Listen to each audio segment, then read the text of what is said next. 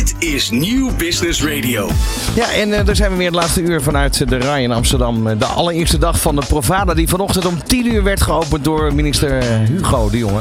Um, ja, en dit uur gaan we het uh, onder andere hebben over... Wat, wat, ja, niet, klopt dat niet? Jawel. Oh, ik, zat, nee, ik zat meer te bedenken, wat is deze dag omgevlogen? ja, oh, zo bedoel je het. Oké. Okay. Ja. Um, ja, en dit uur gaat ook omvliegen, want we hebben echt uh, van alles te doen. We hebben zometeen nog een gesprek met Bart Meijer van, met Anne Lobbers. Dat gaat over een project in Utrecht. Een wijk waarin straks auto's uh, die zonnecellen bevatten energie gaan terugleveren aan huishoudens. Ja, en, uh, dus wordt het, uh, de, ga, wordt het te lonen eigenlijk dat je vaker in de auto zit? Dat is de vraag. Ja, interessant. Dus, wat dat betreft. En die, die auto's, ja, die, die rijden natuurlijk korte afstanden. Het zijn deelauto's ook nog eens een keer. Dus een, een uniek project wereldwijd gezien. Verder en hoeveel auto's zijn er nodig eigenlijk om zo'n gebouw van energie te voorzien? Ook dat, ja, dat gaan we allemaal horen straks. Verder hebben we nog Lars van der Meulen van Volkers Wessels.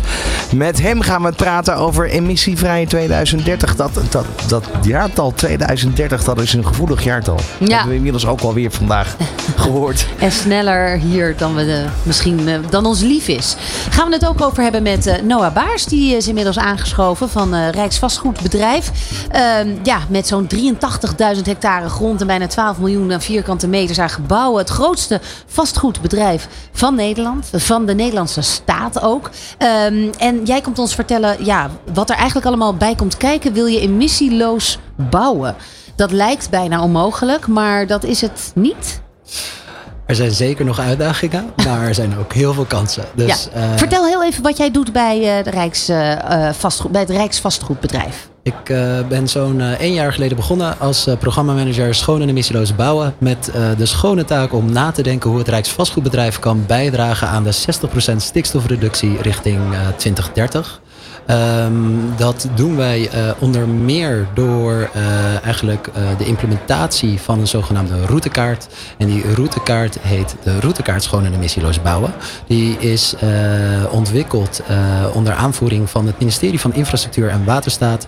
Met Binnenlandse Zaken en het Rijksvastgoedbedrijf daarbij betrokken. En ook heel veel verschillende marktpartijen. Ja, in 2016 is het volgens mij opgezet? Um, nee, de routekaart is, uh, ligt nu momenteel uh, bij uh, Europa ter goedkeuring. En wij hopen die vanaf oktober alle doelstellingen daarvan te gaan implementeren.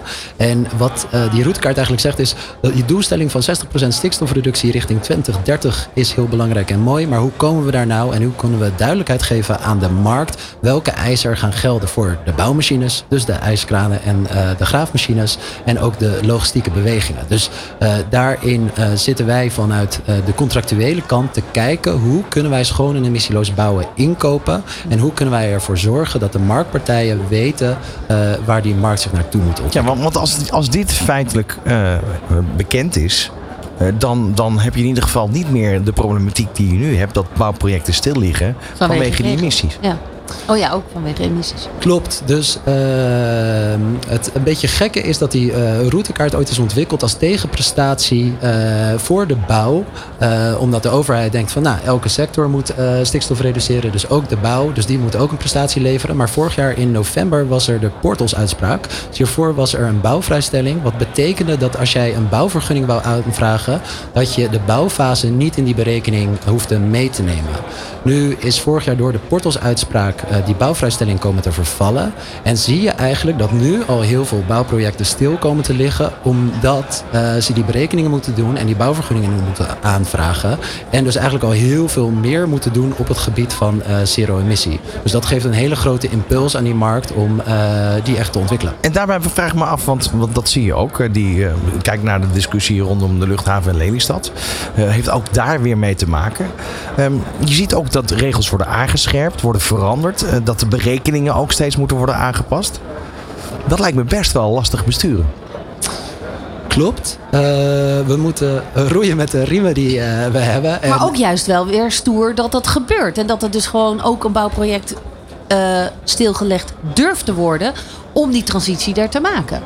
Dat is eigenlijk wat ik jou hoor zeggen. Zeker. En uh, daarin denk ik dat er veel kansen zijn. Dus uh, je kan uh, naar de bouwmachines kijken. Hoe kan je die bijvoorbeeld elektrificeren of met waterstof aandrijven? hetzelfde geldt voor logistiek. Daarin zie je dat voor zeker de, de lichte bestelbusjes er al heel veel elektrisch mogelijk is. Voor zwaarder transport is dat echt nog wel uitdagender. zie je echter ook ontwikkelingen. Dus bijvoorbeeld Tesla die in de Verenigde Staten al bezig is met zwaarder transport. hetzelfde geldt voor waterstofalternatieven. Dus dat maakt het ja, al mogelijk. Ergens natuurlijk gewoon wel uh, de pauzeknop even indrukken om die, om die verandering in te voeren. Ergens wel, maar aan de andere kant met zo'n groot woningtekort. Hè, dat, dat heeft nou, nou ja, dat, is ook de, wel een beetje is de weer discussie. met, met de kansen die jullie natuurlijk als Rijksvastgoedbedrijf hebben. Herbestemming van panden. Uh, daar ook mee te maken, toch? Zeker. En ik denk dat als opdrachtgever wij uh, een rol hebben om uh, perspectief te bieden. En aan de ene kant prikkelende, maar haalbare eisen moeten stellen. En uh, ik denk dat met de implementatie van die routekaart er duidelijkheid komt naar de markt. en dat het daar eigenlijk voor ondernemers steeds aantrekkelijker gaat worden om voor zero-emissie bouwmachines te investeren. Omdat nou ja, ze daar de zekerheid van hebben dat de markt zich daar naartoe gaat. Nou, daarbij gaat de regelgeving van Europa ook richting straks de tweede fase die komt. Waarin elke vervuiler moet gaan betalen. Dus ook vervuilende bouwmachines. Ja, uh, ik, ik, ik denk dat als je naar uh, de kansen kijkt, dus uh, uiteindelijk is stikstof een belangrijk dossier op ehm, dit moment in Nederland. En willen we die stikstofdeken die over Nederland ligt verkleinen. En de bouw kan daaraan bijdragen. Tegelijkertijd is er ook een grote link tussen de hoeveelheid mobiele werktuigen en de hoeveelheid CO2. Dus er is ook een sterke link met klimaat en daarmee met het Parijs Klimaatakkoord. En ik vind het nog steeds best wel absurd dat uh, we in Nederland leven, een best wel ontwikkeld land. Maar als je dan naar de luchtkwaliteit kijkt, dan zie je dat dat knalrood is. En dat gemiddeld een Nederlander een jaar korter leeft uh, door die slechte luchtkwaliteit. Dus ik denk door die transitie naar zero-emissie te maken, zorg je er ook voor dat er minder fijnstof is. En uiteindelijk uh, voor een betere planeet voor mensen en dieren. Maar als we kijken waar Nederland zich daarin uh, verhoudt binnen Europa, zijn er dan andere landen waarmee bijvoorbeeld ook qua stikstofruimte gemiddeld kan worden? En wat bedoel je dan met gemiddeld? Nou ja, dat als bij wijze van spreken er in Duitsland meer stikstofruimte is, dat die daarin dan kunnen, kunnen. Uh, pakken we dit als één Europa aan, vind jij? Nog niet. Je ziet wel Europese ontwikkelingen. Dus uh, bijvoorbeeld de zero-emissie bouwplaats is uh, best wel al een ding in uh, Noorwegen. In Oslo zijn ze daar al volop mee bezig. ik hoor dit argument ook vaker, want er ligt misschien een beetje onder van... wij zijn als Nederland maar een kleine speler, dus wat hebben wij nou in de pap te brokkelen op dit gebied? Maar ik denk dat we onszelf ook niet moeten onderschatten. En Nederland een hele belangrijke economie is wereldwijd, maar zeker in Europa. dus door deze innovatie, of op, op deze innovatie in te zetten is dat ook denk ik een businesskans voor uh, BV Nederland. Dus je moet eigenlijk uh, binnen de keten het zoeken, de verandering. De cultuurverandering, de denkwijze, het gedrag. En, en, en op welke manier gaan jullie daaraan bijdragen? Dat is dus het implementeren van die route en wat, wat nog meer?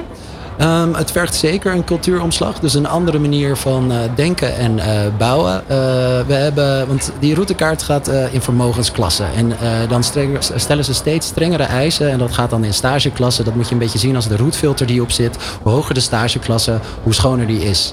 Maar die vermogensklasse die vertelde mij eigenlijk niet zo heel veel. Van over wat voor apparaten hebben we dan. Dus we hebben een marktconsultatie gedaan om te kijken van welke bouwmachines worden nou het meest ingezet bij het RVB. En wat is daar al zero-emissie mogelijk. En daar zie je denk ik twee dingen. Uh, aan de ene kant, uh, wat kan er nu al zero-emissie? En aan de andere kant, wat is beschikbaar? Dus bijvoorbeeld heimachines, daarvan zijn er twee zero-emissie alternatieven in Nederland. Maar zorg er dan maar voor dat je die op de bouwplaats kan krijgen. Dat is best wel een uitdaging. Terwijl er Waarom? Ook omdat er maar twee uh, zijn. Dus uiteindelijk, uh, er, er, wordt redelijk wat gebouwd, natuurlijk uh, met de uitdagingen.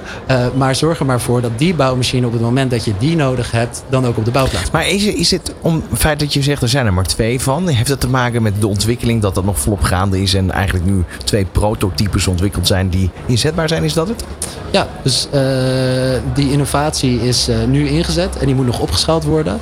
daarbij zie je dat hogere stageklassen, dus die machines met een betere filter, dat die al wel beschikbaar zijn. Maar op het gebied van zero-emissie alternatieven er echt nog wel ontwikkelingen moeten plaatsvinden om elk bouwproject aan die eisen te laten voldoen. Dan heb je vanuit Europa heb je het European Trading System. Dat, dat heeft ook weer te maken met emissierechten. Hè? Dat, dat hangt een beetje aan elkaar. Alles weer onderdeel van de Green Deal.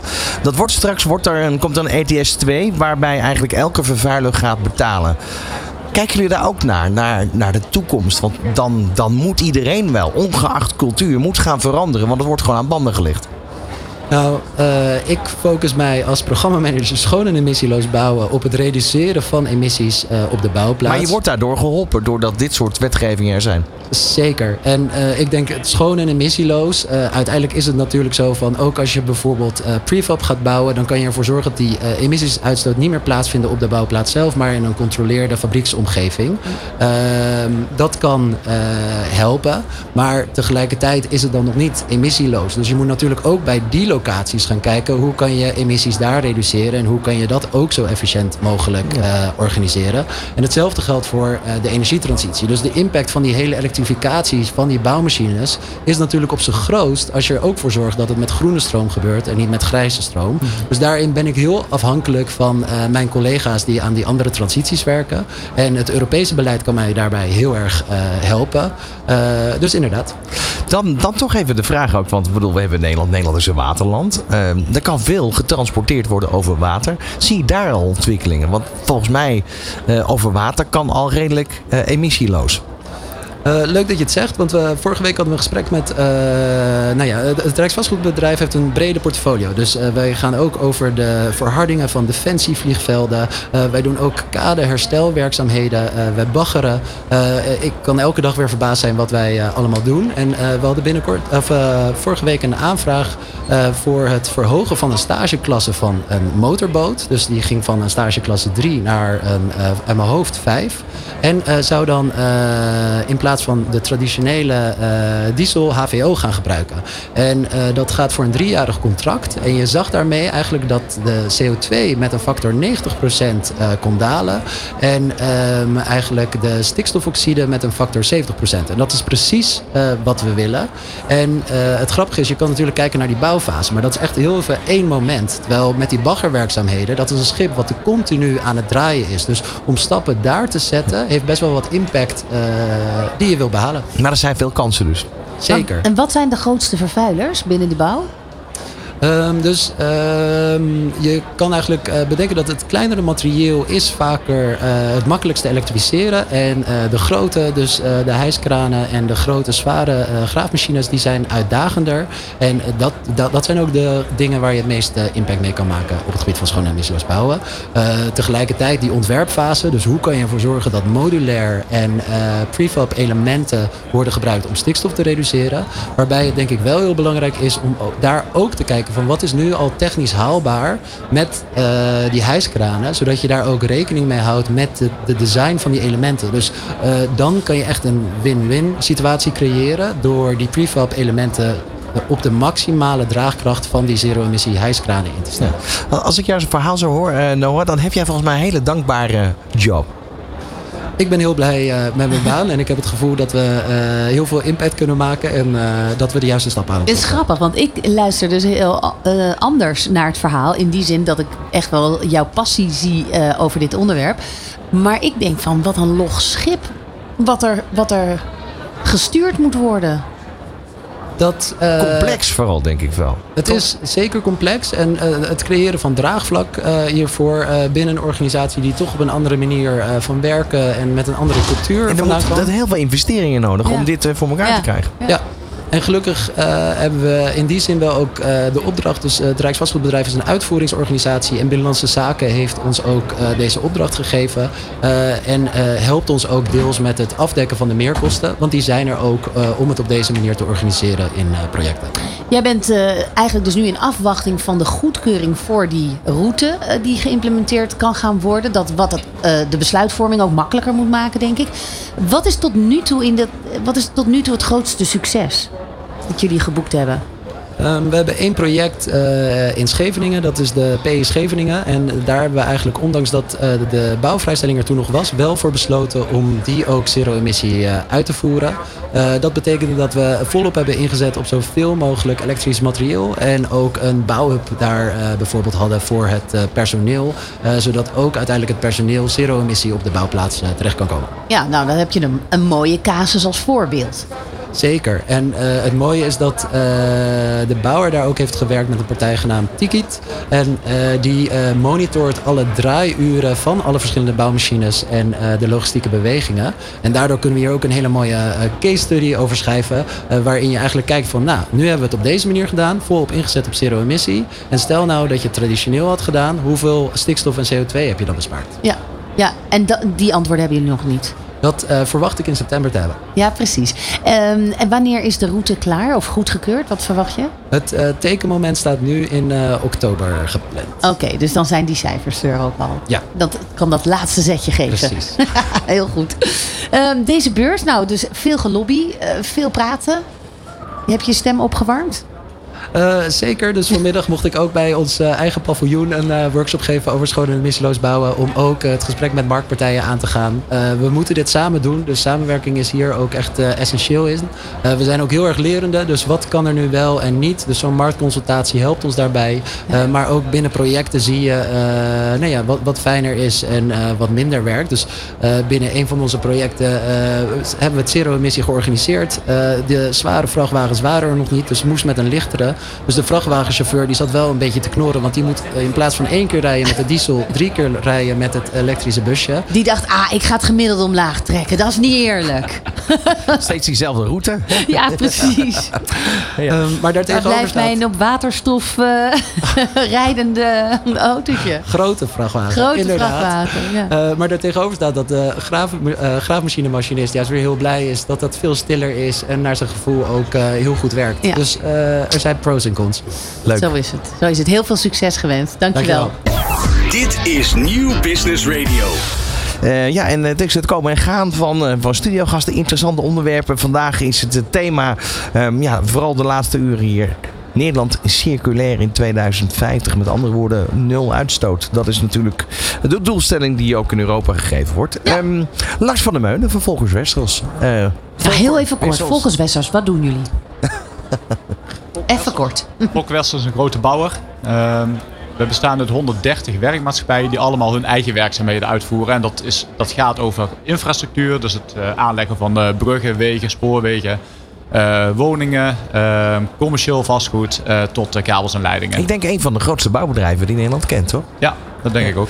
Um, dat is zo. Het onderwerp waar we het over gaan hebben vandaag is emissievrij 2030. Dan heb je weer dat hele gevoelige jaartal. Hoe heb jij trouwens de Eerste Kamerverkiezingen beleefd?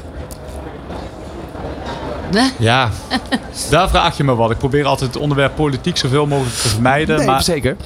Um, laat ik zeggen, het zou fijn zijn als er wat meer maatschappelijk besef zou komen. Goed, dan gaan we nu over de inhoud Met hebben. andere woorden, dat toekomstige generaties gezond en gelukkig moeten kunnen wonen, leven en werken. Dankjewel. Ja. Um, nou, dan, dan die vraag. We hebben het er net al eventjes over gehad. Over ja, wat kan je doen? Hè? Je kan uh, de, de machines die gaan bouwen, die kan je gaan elektrificeren. Zorgen dat daar nul uitstoot uit voortkomt. Uh, maar nu komen we eigenlijk van het verhaal wat, wat we net over besproken hebben met het Rijksvastgoedbedrijf. Over hè, de bouwer moet veranderen. Nou, in dit geval zijn jullie dat. Dat begint bij cultuur, maar dat begint ook bij investeren. Hoe kijk je daar als bouwer naar? Want dat is best wel een behoorlijke opgave, denk ik. Alleen al om het hele wagenpark te verduurzamen. Um, kritisch. Um, constructief.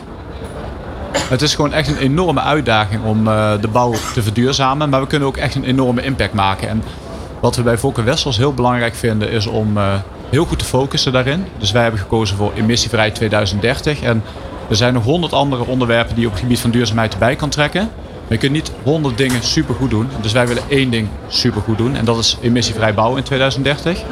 Daar zijn we dan ook heel ambitieus in. En een derde heel belangrijk woord is transparantie.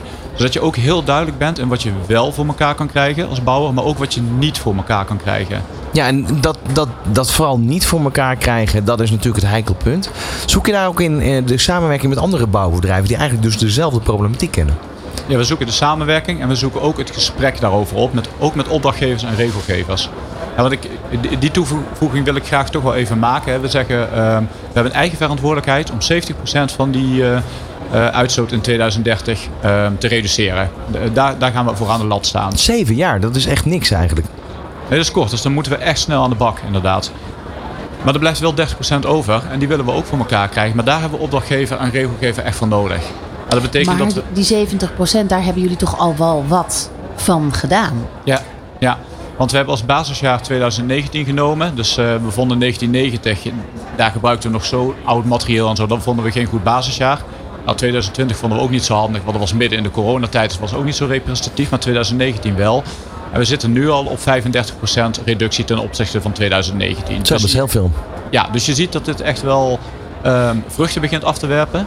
En natuurlijk is het in het begin makkelijker eh, dan op het einde. Want je moet er steeds harder voor werken om die percentages te halen. Maar het betekent wel dat we echt een omslag aan het maken zijn. Ja, jullie zeggen heel duidelijk van we gaan ons focussen. We kunnen niet in alles verduurzamen. Dus we gaan focussen. Dat zit hem dan dus, zeg jij, in de bouw. Daar beginnen jullie mee. Dat lijkt me dan grondstoffenkeuze. Ja, als je bijvoorbeeld naar de woningbouw kijkt, zijn er eigenlijk drie elementen ehm, die een hele belangrijke rol spelen. Eén is het energieverbruik van de woningen. Want die woningen staan zeg 100 jaar. Dus nou, als ze 100 jaar veel energie verbruiken, dan heeft dat een negatieve impact. Als die 100 jaar lang energie opleveren, is dat positief. Dan heb je de materialen die in die woning zitten. Nou ja, als die in de keten ergens veel energie verbruikt hebben, bij de opwerk of misschien weer bij de verwerking, dan ehm, ehm, is dat CO2 negatief of CO2 positief als het, eh, als het, als het CO2 opneemt. En dan heb je nog het bouwproces zelf. Dus het moment dat wij aan het bouwen zijn. Nou, het moment dat wij aan het bouwen zijn, dat is heel duidelijk. Hè? Dat is eigen verantwoordelijkheid. Daar kunnen we een hele grote rol in spelen. Maar het energieverbruik, als die woningen eenmaal staan, daar kunnen we een rol in spelen. En de materiaalkeuze kunnen we een rol in spelen. Want de woningen worden bewoond, worden betaald, noem maar op. Dus dat doen we samen. Zie je daar, eh, wat hoorden we net eigenlijk al, het prefab, dat dat een steeds grotere eh, ja, percentage is wat, wat prefab geproduceerd wordt? Ja, maar dat is ook moeizaam. Dus wij hebben zelf een eh, flinke investering gedaan in eh, morgenwonen. Hè. Dus wij bouwen al vanaf eh, 2015 vanaf onze morgenwonenlijn. En een van de moeilijkheden eh, daarin eh, is dat ehm, ehm, je moet ook daadwerkelijk bouwen. En eh, zo'n zo'n prefab woning is heel erg geschikt om heel snel op heel veel locaties uit te rollen. Maar wat het heel moeilijk maakt, is als elke eh, locatie, elke gemeente zijn eigen eh, wet en regelgeving heeft. Hè, dus als je in de ene woonplaats ehm, je dakgoot op 3,80 meter eh, moet hebben hangen en op de andere op 3,90 meter, dan wordt Ja. het heel lastig voor En dat tailor-made is niet rendabel. Nou, is, is denk ik wel rendabel. Dat is een stuk Alleen, complexer natuurlijk. Het is complex op het moment dat de wet en regelgeving heel complex is. En, en die, die neigt steeds complexer te worden. En, en is dat, is dat eh, omdat eh, de gemeentes eigenlijk steeds meer eh, verantwoordelijkheid krijgen vanuit de Rijksoverheid? Of waar heeft dat mee te maken? Want ik kan me ook voorstellen dat als we iets weten met z'n allen, is dat we eh, ja, de wetten wel een beetje moeten gaan versimpelen. Want het wordt steeds ingewikkelder, steeds logger. En we hebben het maar over eh, die 2030-periode En- goed gaan bereiken. En als iets al vijf jaar hier bij elkaar, naast elkaar op de beurs staat, zijn het wel de gemeentes. Ja. De- die zouden toch inmiddels het gesprek wel gevoerd moeten hebben over die regelgeving. Om, Ja. die, om die gelijk te trekken en te versimpelen. Ja, ja, er zijn een paar hele terechte dingen die daar gezegd worden. Ik denk dat het gebrek aan regie, dat dat he- heel erg belangrijk is. En ook in die regie moet je keuzes maken en heel ambitieus zijn om iets voor elkaar te krijgen. En nou ja, als ik kijk op... het- Kijk, het ontbreekt niet aan aandacht voor duurzaamheid. Want er wordt op honderd verschillende plaatsen wordt er gediscussieerd eh, over duurzaamheid. En worden convenanten getekend enzovoort. Alleen de uniformiteit daartussen, die is heel erg klein. Dus als je op de, eh, op de ene plaats eh, tekent voor duurzaamheid op, eh, op manier X en op de andere op manier Y, ja, dan wordt het heel moeilijk om dat in, een, eh, in, zeg maar in één product. Wie zou daar in de regie moeten nemen, denk je? Ja, dat begint bij de nationale overheid, wat mij betreft. Dan moeten we Noah er weer bij trekken. Ja. Ja, daarom had Hugo de Jonge geen tijd, denk ik vandaag. Nee. ja. Ja. Ja. Nee, voor Waarom- ons zou het bijvoorbeeld heel erg fijn zijn als er gewoon een gelijk speelveld komt voor bijvoorbeeld CO2-uitstoot. Maar dan leg je het toch weer ergens aan. Ik bedoel, jij bent vanuit de bouw natuurlijk. Maar moeten de gemeentes daar dan niet gewoon, gewoon een coöperatie eh, in starten? Op dit punt? Ik denk dat, je, dat dit echt iets is dat je bij het Rijk, of misschien zelfs bij Europa, maar, eh, maar in ieder geval bij het Rijk zou moeten eh, laten liggen. Of neer moeten leggen. En Ja. ja. ik wil ook nadrukkelijk even zeggen, ik wil niet de verantwoordelijkheid bij iemand anders leggen. Hè. Dus als je naar die Maar er 2030... moet een leider Maar- maar- maar je opstaan. zegt eigenlijk, zeg jij. ehm, Maar- maar mag de- ik heel- heel de oplossingen zijn er, alleen het wordt ons heel moeilijk gemaakt om die oplossingen goed uit te rollen. Ja, en ik, ik- ik wil toch nog heel even iets zeggen over die verantwoordelijkheid. Hè? Want wij zeggen dus, we nemen eigen verantwoordelijkheid voor die 70%. En die 30% als gedeelde verantwoordelijkheid. Dus wij moeten ook wel aangeven wat we mislopen en wat er wel mogelijk is. Ja. En, ja. Maar is- het wordt bemoeilijkt door al die verschillende regelgeving. Ja. En ja, daar kan ieder helder denkend mens toch eh, ook wel een eh, enige inschatting van maken. Dat dat ja, inderdaad erg complex is als je bij iedere gemeente dat opnieuw moet doen. Ja, nou ja, ik, ik, denk dat dat precies zo is. En eh, bij elke onderhandeling daarover, en die, on- die bestaat, ontstaat op heel veel plaatsen, ontstaat ook steeds meer complexiteit. En daarmee wordt het natuurlijk moeilijker om je eh, daaraan te uniformeren. Waarom wordt dat zo moeilijk gemaakt? Waarom is het complex? heel veel verschillende belangen ehm, en een gebrek aan regie. En ehm, ik denk dat wat wij ook heel moeilijk vinden is pijnlijke keuzes maken. Dus heel duidelijk zijn eh, dat een duurzame oplossing soms gewoon duurder is. En het gesprek hebben over hoeveel mag dat dan kosten. Ja, en dat is natuurlijk best wel eh, een spannend speelveld. Wat we ook wel zien in, de, in gezondheidsmiddelen, of in voedingsmiddelen. Dat biologisch en nou ja, ehm, gezondere voeding duurder is. En daar zijn ze dus nu eh, nou, heel veel bedrijven voor op de barricade aan het gaan. Om juist biologisch en gezondere voeding goedkoper te maken. Maar dat, da- dat kost tijd. En dat is tijd die we niet hebben. Ja, dat klopt. Ja, ja en zeg maar, wat, ik daar, wat daarin denk ik heel erg belangrijk is, is om duurzaamheid langzaamaan toch een beetje uit de marketinghoek te gaan trekken. En als je hier rondloopt, hè, dan zie je elke partij bouwt en ontwikkelt super duurzaam. En als dat Ja. echt het geval zou zijn, dan hadden we helemaal geen milieuprobleem gehad. Ja, dus de, het is nog te veel een containerbegrip. En eh, eh, er moet niet lullen, maar poetsen. Ja, en ook gewoon gesproken worden over dat duurzaamheid iets mag kosten. En aan de voorkant, dus voor je begint met een project, het gesprek hebben over... gaan we dat dan betalen en wie gaat dat betalen? En het klinkt natuurlijk heel stom om gelijk weer over geld te gaan praten. Maar wat ik zie is dat er gewoon heel veel ehm, ambities sneuvelen in schoonheid omdat we het niet doen. Nee. Maar één ding is feit, je, je had het net al even aan. Eh, er komt regelgeving vanuit Europa. Ondertussen broeit het hier door qua regels. Eh, maar daar is straks gewoon heel simpel het feit de vervuiler gaat betalen. Dan lost het zich eigenlijk vanzelf toch op. Op het moment dat je eh, kijkt naar de doelstellingen daar is 2040. Als er eenvoudige regelgeving eh, komt waarbij, dit, eh, waarbij het daadwerkelijk betaald gaat worden en ook goed te meten is, dan is dat zo. En dat kan voor mij niet snel genoeg gaan. Als je kijkt naar de wet en regelgeving die nu vanuit Europa om ons afkomt, hè, bijvoorbeeld de EU Taxonomy of de EU CSRD, dan zie je dat voor Volkswagen bijvoorbeeld, wij moeten dadelijk 25.000 eh, projecten aan een enorme waslijst van KPI's gaan toetsen om te kijken of dat duurzaam is. Ik ben echt helemaal voor. Elke wet en regelgeving op het gebied van duurzaamheid Is die te complex? die is te complex. En die is misschien ook niet gemaakt voor een projectenorganisatie zoals de bouw is. Hè. Kijk, als je een, een eh, fiets ontwerpt en eh, je weet of die wel of niet duurzaam is. En vervolgens rolt die, rolt die 10 of 100.000 keer van de band. Dan is dat heel makkelijk. Als je 25.000 unieke projecten per jaar doet, dan is dat heel moeilijk. En ik zou heel graag focussen op die plekken waar we echt het verschil kunnen maken. Dus niet hoeveel liter water een kraantje uitstoot als die helemaal wagenwijd open staat op een, eh, op een wc. Maar welke materialen zitten nou in een woning verwerkt? En hoeveel energie gebruikt die woning nog?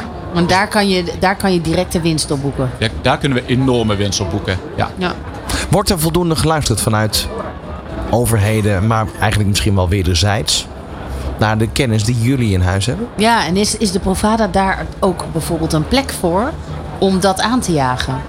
Nou, de Provada is in ieder geval een plek waar dit soort gesprekken gevoerd kunnen worden. En ja, of er echt te weinig geluisterd wordt, dat weet ik niet. Ehm, ik zie heel veel plekken waarop, waar dialoogsessies zijn en waarin er gepraat wordt, maar er wordt misschien te weinig mee gedaan. Ja, ja. Actie. En dat zijn de, de, de belangen, de tegenstrijdige belangen waarschijnlijk, die, die gewoon niet op een lijn komen. Actie en duidelijke, misschien wel pijnlijke keuzes. Ja. Ja, om die, ja, en misschien En pijnlijke keuzes altijd zit hem op in een lijn. geld. Ja. Ja, nou ja, het is een helder verhaal wat je vertelt. En, eh, eh, en, en het, het, het- het blijft wel een beetje schuiven van ja, wie pakt die billen op, wie pakt de check op en eh, wie durft er zijn nek uit te steken om het goede voorbeeld te geven. Maar ook ja, ehm, eh, gewoon echt het concreet omzetten naar acties in doen. Daar zijn dan toch weer de heroes voor nodig waar, Ik, ik- waar ik we ga, nou op ik ga het gewoon doen. Stel, we geven jou nu het podium van een minuut. Roep maar wat je wil. Wat ik denk dat super belangrijk is, en dat we, dat we met z'n allen onmiddellijk moeten doen, dat is duidelijk maken wat duurzaamheid, wat volledige verduurzaming van in dit geval de woonsector, de, de bouwsector zou kosten. Ehm, en met elkaar afspraken maken over wie die kosten voor zijn rekening neemt. En dat mag best een stukje bij het bedrijfsleven liggen. Maar we moeten ook met z'n allen beseffen dat het ook betekent dat je duurder in moet kopen. ehm, dat er dus eh, ingekocht moet worden op duurzaamheid. En dat we die kosten ergens moeten maken. Wauw, het lijkt wel een elevator pitch. Goed, Maar hè? wel heel helder. Absoluut. Ja, was Dankjewel. helder? Ja, ik vond het wel. Dankjewel, ja, ik wel. Je kans goed gepakt. Nou, heel veel succes eh, op de beurs. Eh, hopelijk eh, vanaf nu actie in de elektronische taxi. Dankjewel voor de komst naar de studio. Lars van der Meulen. Dit is New Business Radio. Ja, een van onze studiogasten vandaag is eh, Bart Meijer en eh, Anne Lobbes van eh, Hyundai. En eh, Bart Meijer is van MRP. We gaan het hebben over een nieuw eh, project, Cartesius. Eh, Anne, misschien kan jij even een uitleg erover geven. Het heeft alles te maken in ieder geval met ehm, een groene, duurzame wijk... die geheel gericht is op de toekomst. En daar zitten natuurlijk alle noviteiten in... eh, die de toekomst nog verder eh, zullen helpen te verduurzamen. Ja, helemaal. Kijk, ik kan niet helemaal vanuit eh, het vastgoed eh, spreken. Dat laat ik heel graag over aan Bart. Maar ehm, de noviteit zit hem erin dat we eigenlijk auto's daar gaan neerzetten... die in een autodeelproject ook als energiebron dienen. Voor de appartementen die Bart aan bouw is. Even Ja. simpel gezegd. Dus een powerbank op wielen. Voor mensen die daar gaan wonen. Dus je kunt in de toekomst je piepertjes koken... op basis van de batterij van de Ioniq 5. Dus er moet veel gereden worden, begrijp ik. Nou, hoeft niet per se. Kijk, als je, eh, wij vinden het fijn als de auto's worden gebruikt, uiteraard. Maar auto's staan ook heel veel stil. Dat is een beetje wat het is. En eh, hoe mooi is het als je s'avonds aankomt. Je hebt flink gereden. Die actieradius is ook prima. Meer dan 500 kilometer. Je komt aan. Je plugt je auto aan op het netwerk. En nou ja, vanaf een uurtje of zes heb je energiebehoefte. Verwarmen, koken, noem maar op. En dan begint de auto eigenlijk energie te leveren. Ja, Nou, en als ik het begrijp, gaat dat dus per gebouw. Dus bij er meerdere wo- woningen. Dus het is niet dat je je eigen woning voorziet. Het is echt een hele groep van, eh, van gebouwen. Ja, want Bart, ehm, jij bent van MRP. Dat staat voor... Eh, Mayor Realty Partners. Ah, kijk. En ehm, waar ben jij bezig met die, eh, met die gebouwen neer te zetten? Eh Cartesius, Utrecht. Dat is in het centrum van Utrecht. En dat is een heel groot terrein. Dat is een tender die we een jaar of vijf geleden samen met Ballas Nedam eh, hebben gewonnen. Waar het bij het uitgangspunt een duurzame woonwijk met eh, eigenlijk een, een compleet ecosysteem. Ja. Komt het eigenlijk op neer, zijn we daar aan het bouwen. Eh, en dat houdt dus eigenlijk in dat je, aan de, je begint met duurzame woningen. Eh, dan ga je kijken van hoe kunnen we eigenlijk een heel eigen verzorgingsgebied gebruiken. Zodat een heleboel zaken eh, op loopafstand zijn voor mensen. Een school, eh, een supermarkt, eh, eh, sport en spel. Eigenlijk al die dingen samen. Nou, dan ga je ook kijken van hoe kunnen we een, een, een buurt creëren waar echt sociale interactie heel erg hoog op de agenda staat. Nou, dat zijn we daar ook aan doen. Dus we hebben eigenlijk een soort verza- het kapgebouw. Dat is eigenlijk een verzamelgebouw voor alle bewoners. Het zijn tegen de 3000 eh, huizen die we daar bouwen. En dus ook eigenlijk en in het verlengde daarvan speelt natuurlijk Hyundai een hele belangrijke rol. Ja, want hoe is dat huwelijk ontstaan? Oeh, ik ben er zo ingetuind. Wel heel gelukkig hoor. Maar ik weet Bart het wel. weet dat ja, wel. Ik weet het Ja. wel. We werken samen met WeDrive eh, Solar. Dat is een bedrijf wat zich bezighoudt dus eigenlijk met laadpunten. eh, eh, die, die gepowered worden door zonne-energie. Nou, zo zijn we begonnen. En de partner van WeDrive Solar, dat was Hyundai. En zo, zo is de samenwerking tot stand gekomen. Ja, want het is best wel in de eerste gedachte tegenstrijdig... dat je dus eh, auto's nodig hebt om, of dat het als middel ingezet wordt... om eh, energie op te wekken. Eh, een hele nieuwe invalshoek. Hoe wordt daarop gereageerd binnen de branche? Ja, positief eigenlijk. Omdat je natuurlijk die auto laat je op met zonne-energie. Nou, de zon die is gratis eigenlijk. Eh, dus het concept waarbij je dus eigenlijk zegt... ik laat die auto op. Die rijdt 40, 50 kilometer per dag. Ja, meer wat moet je rijden in Utrecht anders meer. Of misschien 100, maar hij kan 500 doen. Nou, dus dat hele eh, concept, dat hele principe... dat je zegt, ik haal de energie uit de zon... en ik breng het over naar de woningen. Ja. Dat is natuurlijk een, een, winner. Dus we- eh, neem ons eens mee, want je hebt als straks zo'n gebouw. Daar zit, een Ja. parkeer, daar zit geen parkeergarage onder, want de auto's moeten buiten staan. Ja, Ehm, dan heb je voor zo'n heel gebouw een aantal auto's. Dat wordt ruzie met de buren. Eh, Nee, want dat gaat dus allemaal met een app. Dus mensen registreren zich. Die krijgen als ze de woning kopen of huren gebruik van de auto's in het begin. En nee, nee, dat regel je dus via een app. Ze zullen elkaar niet bij de auto... eh, Nee, precies. dus nee, dat is. je Dat is eh, ja. ja, je hebt dat nu al hebt. met bakfietsen, hè, die Ja. eh, op de hoek van de straat staan. Eh, die, En natuurlijk gewoon de deelauto. Want om hoeveel auto's gaat het dan? Per hoeveel woningen? Bart, kijk mij aan. Dat weet ik dan wel weer. We zijn nu aan het testen met 25 auto's. Maar dat zullen er op termijn 150 zijn. Op hoeveel huizen? Kijk, ik bijna, bijna aan. 3000 eh, woningen. Oké. Ja. We zitten aan het spoor ook daar. Hè? Dus er zijn enorm goede verbindingen. Ja. Je loopt letterlijk in, in 100 meter stap je op de trein. Ja. Eh, en we hebben dan de auto's. Vergt ook wel wat medewerking dus van de bewoners. Het is natuurlijk iets wat een extra is en een mooie extra service. Moet je uiteraard op een gegeven moment voor gaan betalen. Maar dat vergt ook wel gewoon creatief denken van wanneer pak ik de trein, fiets of Klopt. een auto. Ja. Ja. En mensen zijn meer en meer eigenlijk daarmee bezig. Dus we denken dat dat eigenlijk vrij zeker eh, de generaties die nu natuurlijk met, met de te- mobiele telefoon echt zijn opgegroeid. Ja, dat Ja. stelt helemaal niks voor. E- Easy peasy. Even nog Ja. over de Ionic. Hè? Want, want dat is de auto, eh, de Ionic 5, die Yes. neergezet gaat worden. Ja. Eh, bijzondere auto met een gigantische batterij. Ja, 800 volt. ja. Bijzonder hè. Dat heeft alleen nu eh, Audi en Porsche. Ja, ik mag normaal geen concurrenten noemen. Doe het toch even. Ja. Maar Hyundai is echt voorloper op het gebied van die technologie, in een auto zetten. En dan de mogelijkheid geven om terug te leveren aan het energienetwerk. Dat doet op dit moment nog geen ander automerk. En waar wordt die geproduceerd? De Ioniq 5 wordt in Korea geproduceerd. Eh, en ik zeg altijd, de innovatie komt bij Hyundai uit Korea. Nou, lekker peu, hier niet. Hier gewoon uit Utrecht. Uit Utrecht. Ja. Ja, want het is, eh, er is nog meer eh, bijzonder aan die auto. Want het is, er zit ook een heel recycle-plan in Ja. de hele auto. Vertel Ja. daar eens wat meer over. Ik, ik denk ook dat het leuk is, want dat, dat de mensen die bij Bart aankloppen van mag ik in zo'n huis wonen, dat die daar ook wel voor te porren zijn. Hè? Het circulaire en het duurzame. Eh, in onze auto eh, gebruiken wij heel veel gerecyclede eh, materialen, biologische verven, noem maar op. En als je de vloermatten even goed bekijkt, daar zie je het eigenlijk niet aan. Maar dat zijn opgeviste visnetten. Die zijn gereinigd en weer verwerkt tot draad. Dus wij, wij, ja, we Prachtig brengen dat echt naar een hoger niveau. Ja. Ehm, ja, en dan is er nog eh, de contactoppervlakte. Wat, wat, wat, wat, eh, daar was ook iets bijzonders mee.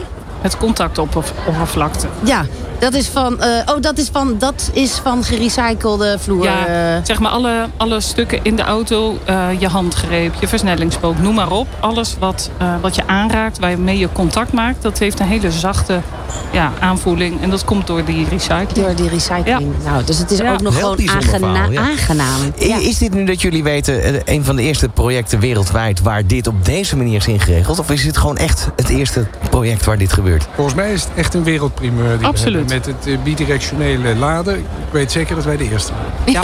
Met Arjoen, wij samen. Dus eh, je gaat hier op de beurs vooral het verhaal ook eh, verder vertellen, denk ik. Ja, we zijn er wel trots op. En we denken ook wel dat natuurlijk eh, eh, dit de toekomst is. Want uiteindelijk als je kijkt naar een buurt als Cartesius... brengt alleen maar voordeel. Ja, het, het, het doet me. Ik ben ooit, eh, ooit een keer voor het Wereld Natuurfonds ben ik in, in Brazilië geweest. Echt in het, in het regenwoud.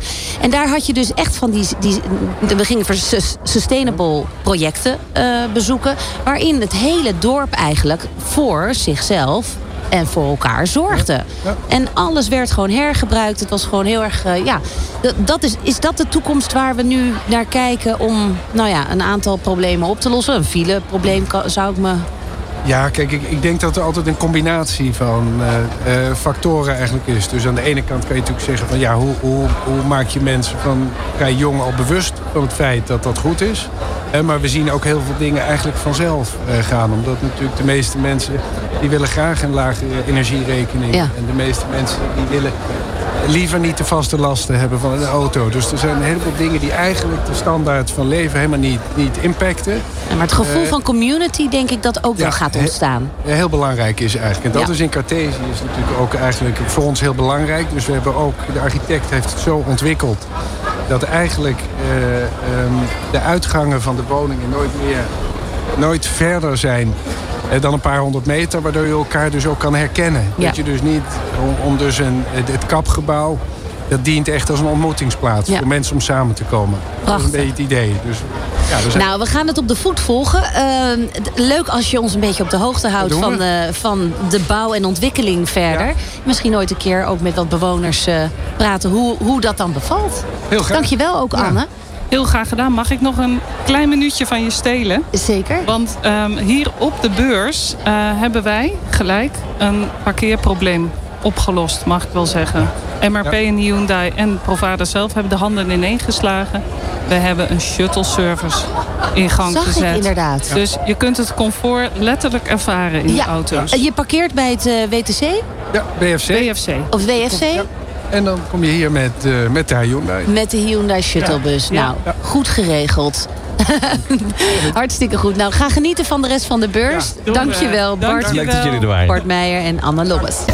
Dit is Nieuw Business Radio. 13 juni. En eh, we zijn alweer bezig aan de laatste minuten van... eh, Oh, nou, het is dag. toch een ongelofelijke, heerlijke eerste dag. Met alweer zoveel eh, nieuwe inzichten eigenlijk over dat hele... Nou ja, over het, het, het circulaire, het, de doelstellingen. en ook het thema van, van, van deze beurs. We Zeker. can be heroes. Wie zijn de heroes? Nou, Werner natuurlijk vandaag zijn, eh zijn doopseel gehad. Hij is er morgen ook weer. Zeker. En eh, morgen gaan we het eh, ja, ook hebben over het eh, klimaatadaptief zijn als bedrijf. En het Paris Proof. Dus we gaan wel een beetje in dezelfde lijn verder. Maar is ook belangrijk. Dat denk ik ook. En Dat eh, gaan we morgen doen. En ik beloof plechtig dat ik morgen ook echt de beursvloer op ga. ja, vandaag moest je even inkomen. Ja, vandaag eh, hadden we even andere... eh, Ja, nou ja, gewoon genoeg te bespreken ook nou, eigenlijk. zeker. Zeker, zeker. Nou, morgen hebben we ook een vol programma. Zo is het. Morgen zijn we er weer. Bedankt voor het luisteren. En alle interviews zijn dus eh, terug te luisteren iedere keer na afloop op nieuwbusinessradio.nl. En eh, tot morgen. Ja, leuk dat je erbij was. Tot 12 uur, morgenochtend. Dit is Nieuw Business Radio.